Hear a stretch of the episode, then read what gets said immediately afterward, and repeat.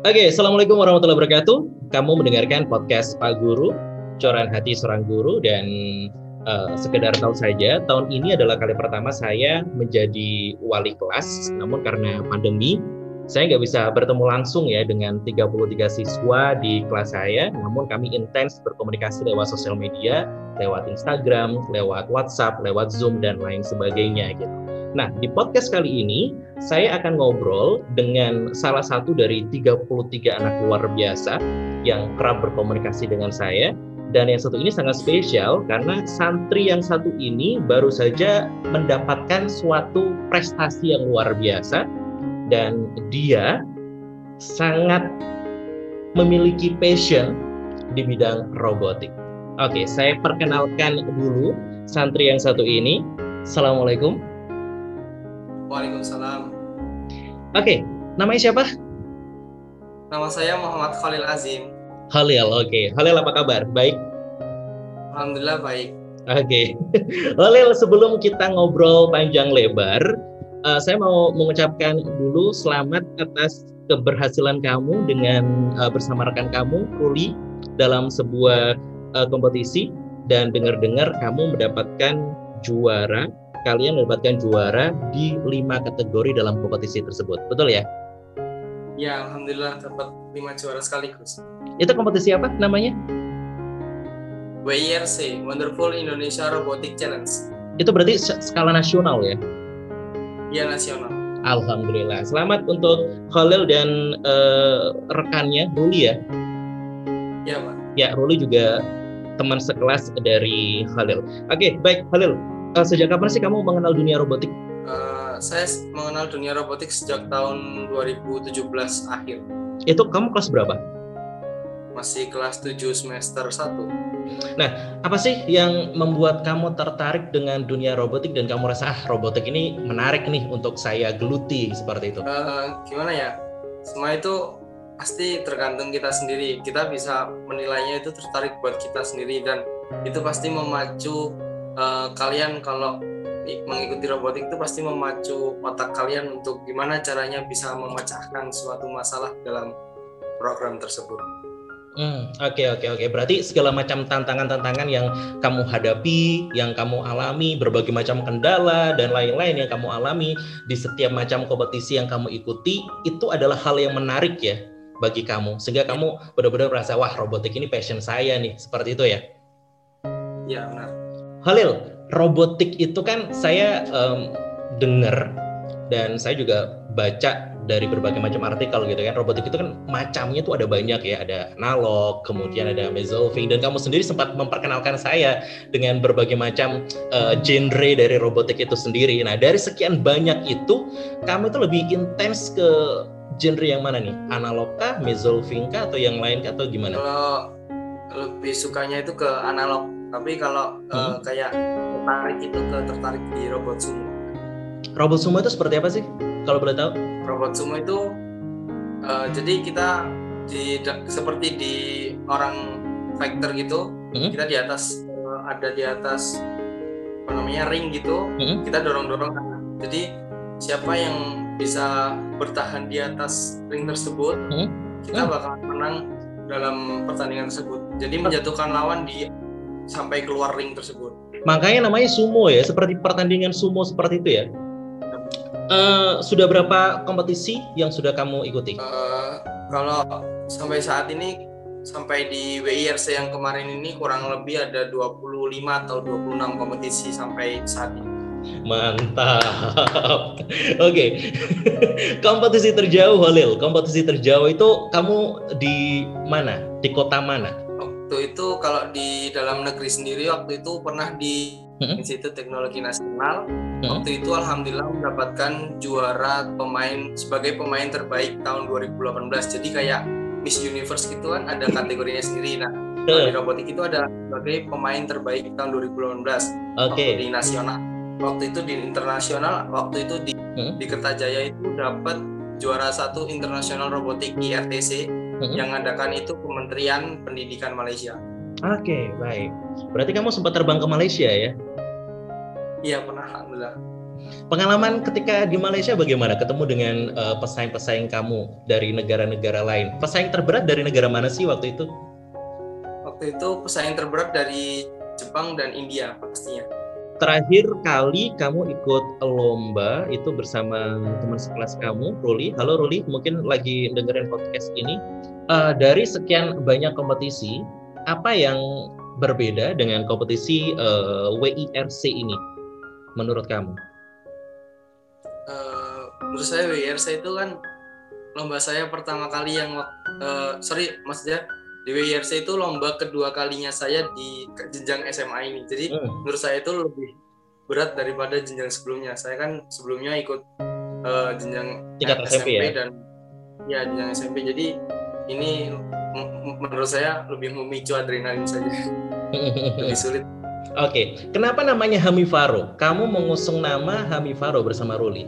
Apa sih Hamifaro itu? Bang Hamifaro itu karena kan saya tanya ayah saya dulu, Pak ini yang bagus namanya apa untuk uh, apa namanya nama tim saya habis itu kasih tahu Hamifaro kalau nggak salah itu namanya Abdul Fatul Fatul apa gitu dari Siti Kia dari ah. kiai ayah saya. Dan namanya artinya itu menjunjung kebaikan dalam sebuah uh, kelompok atau uh, apa tim untuk menjadi yang lebih baik daripada lainnya. Mantap. Dengan peran serta ayah kamu dalam memberikan nama untuk tim kamu, itu menunjukkan bahwasanya kamu benar-benar didukung habis-habisan ya sama orang tua kamu ya di robotik ini. Ya, alhamdulillah. Oke, okay. uh, seberapa besar peran orang tua terhadap uh, kegiatan kamu di robotik? Uh, besar sekali, pastinya kan tidak ada apa orang tua yang tidak mendukung anaknya dalam sebuah prestasi untuk demi kebaikan ke depan. Sebelumnya, sebelum ikut uh, kompetisi WIRC, kamu juga sempat ikut sebuah kompetisi. Adalah satu kompetisi seperti itu dan kamu uh, sebelumnya sempat gagal seperti itu. Tapi uh, kalian kamu dan juga Ruli itu bisa menunjukkan taring gitu di kompetisi selanjutnya seperti itu. Waktu kamu mengalami suatu kegagalan, apa yang kamu rasakan? Menurut saya sebuah kompetisi itu suatu hal yang sangat besar yang bisa kita ikutin dan tidak semua orang dalam sebuah sekolah atau sebuah uh, suatu lembaga pendidikan hmm? ya bisa mengikuti sebuah tersebut. Jadi saya dalam sebuah pertandingan menang atau kalah menurut saya saya udah menjadi seorang pemenang karena saya bisa mewakili sebuah lembaga tersebut hmm. ya walaupun agak sakit ya karena hmm. bergengsi juga hmm. namanya mau nggak mau lomba uh, jujur saya kalau kalah lomba itu pasti saya uh, sedih sampai bisa nangis seperti event yang kemarin karena saya itu waktu itu robot saya mengalami kerusakan atau kesalahan teknis hmm.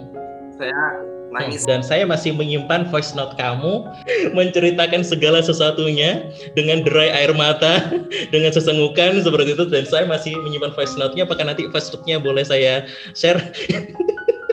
Udah nggak usah. aib, aib, aib. Aib, aib, aib, aib. Tapi tapi tapi nggak apa-apa karena kamu sudah ini ya, sudah sudah bangkit dari kegagalan di kompetisi sebelumnya dan bisa uh, menunjukkan eksistensi kamu bersama rekan kamu Ruli di kompetisi uh, eh, WIRC tersebut gitu.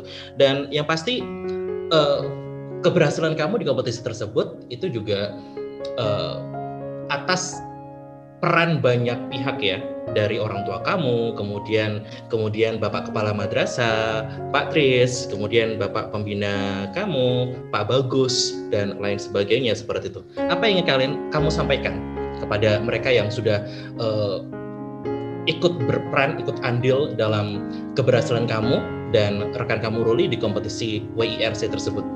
Uh, sebelumnya saya mengucapkan terima kasih kepada semua pihak, terutama kepada orang tua kedua orang tua saya, kepada kepala sekolah saya Pak Sutisno dan koordinator robotik saya Pak Bagus Amrullah dan wali kelas saya Pak Afan Zulkarnain yang selalu mensupport saya di sebuah kompetisi.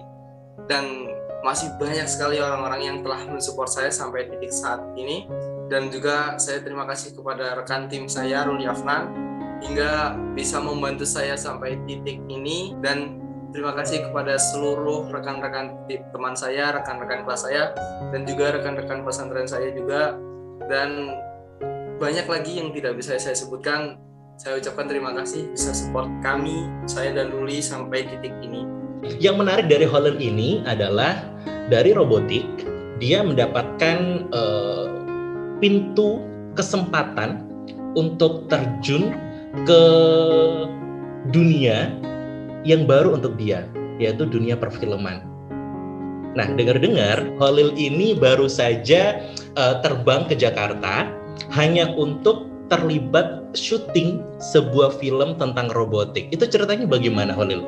Kok bisa seperti itu? Uh, kemarin itu sempat ada undangan untuk pemain yang pernah ikut di lomba robotik robot sumo, terutama robot sumo internasional tahun 2018-19 yang pernah menjuarai internasional hmm. boleh mengikuti hmm.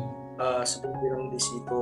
Hmm. Nah, waktu itu kemarin tanggal 7 Februari, 7 Februari saya di Jakarta sampai tanggal 15 eh, Februari atau 14 saya lupa. Itu waktu itu di situ saya sebagai pemain utama film tersebut mengangkat diri saya sebagai pemain robotik mulai dari nol hmm. sampai titik ini.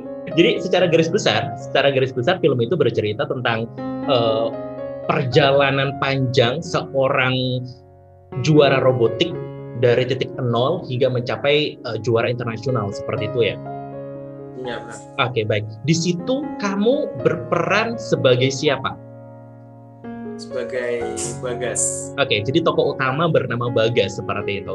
Nah, uh, ini kan dunia baru ya untuk kamu ya. Acting itu kan hal yang baru, something new buat kamu seperti itu. Ada kesulitan nggak? Yang hal sulit menurut saya itu kayak kamu itu kurang mendalami, kurang kayak gini, kurang kayak gini. Tapi kan pastinya ada sutradara di balik semua itu yang hmm. membantu kita. Hmm. Jadi kita harus uh, menghargai sutradara jadi kita kayak ya pastinya sulit lah untuk sebagai orang pertama kali masuk di dunia film hmm. terus uh, syuting film hmm. terus ekspresi mukanya mimik hmm. mukanya itu kan pasti juga tidak bisa di uh, tidak bisa di langsung dilibatkan dalam ters hal tersebut hal baru karena akan hmm. dikarenakan hal baru nah akhirnya yaudah jalanin aja hmm. sama sutradaranya itu dikasih tahu kayak gini kayak gini hmm. akhirnya bisa sampai syutingnya selesai.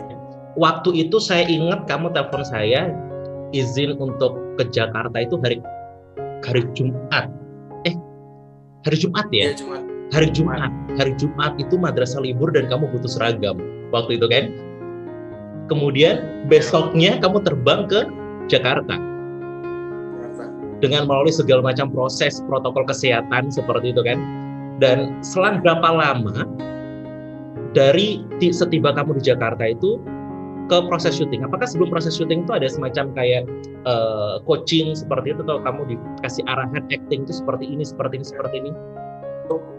Dua hari pertama itu saya di briefing dulu. Mm-hmm. Jadi besok kayak gini, kayak gini sebagai pemain ini. Dua hari itu sebagai briefing untuk semua pemain. Terus empat hari terakhir itu syuting filmnya. Jadi langsung setelah syuting film saya langsung terbang lagi ke Surabaya. Oke, okay, baik. Ada artis senior gak yang ikut berperan dalam film tersebut? Uh, untuk artis seniornya ada uh, Cece Ingrid Wijanarko. Oke, okay. Ingrid Wijanarko itu adalah sosok uh, aktris senior yang sudah berperan di berbagai macam film dan juga sinetron ya. Kemudian selain uh, Ibu Ingrid Wijanarko, siapa lagi? Untuk pemain mudanya itu ada Kak Eca itu pemain tukang ojek pengkolan di hmm? salah satu TV swasta. Di salah satu hmm? ya TV swasta. Terus ada Melani Melani Berni, Berni itu salah satu uh, uh, apa kayak aktor kecil gitu. Hmm? Dia itu salah, uh, kemarin juga barusan sponsor iklan sebuah snack salah satu snack. Oke, okay, baik. Dia juga pemain terkenal juga. Oke, okay. dan juga saya pernah lihat di story kamu ada Bang Miing di sana, salah satu pelawak ya, senior. Ya, Bang. Uh, kamu kan seorang santri. seperti itu dan keberhasilan kamu di robotik itu seperti membuka pandangan banyak orang tentang pondok pesantren. Bahwasanya pondok pesantren juga bisa kok pondok pesantren pondok pesantren juga bisa kok lekat dengan teknologi dengan salah satunya contohnya adalah dengan keberhasilan salah satu santri di bidang robotik seperti itu. Pendapat kamu bagaimana? Ya, saya juga sudah pernah mendengar sebuah ucapan saya setiap pertandingan itu pasti mendengar sebuah kata-kata santri kok bisa menang kan di sana kan gak ada teknologi gak ada gimana kalian menganggap kita di sini ketinggalan zaman kayak kita fokus di kita fokus di pelajaran itu kalian salah besar karena sebuah santri justru santri yang bisa membuktikan bahwa kemenangan itu uh, ada dan di bersemangat. Oke, harus semangat ya. Oke, Halil, terima kasih sudah uh, ikut andil dalam podcast saya ini, ada satu hal yang saya pelajari dari kamu, bahwasanya kita harus ambisius ya dalam mencapai apa yang kita inginkan. Tentu juga dibarengin dengan upaya keras, usaha, kemudian doa, serta dukungan dari banyak pihak, terutama kedua orang tua kita. Seperti itu ya. Oke, terima kasih Olil. Assalamualaikum. Ya, Pak.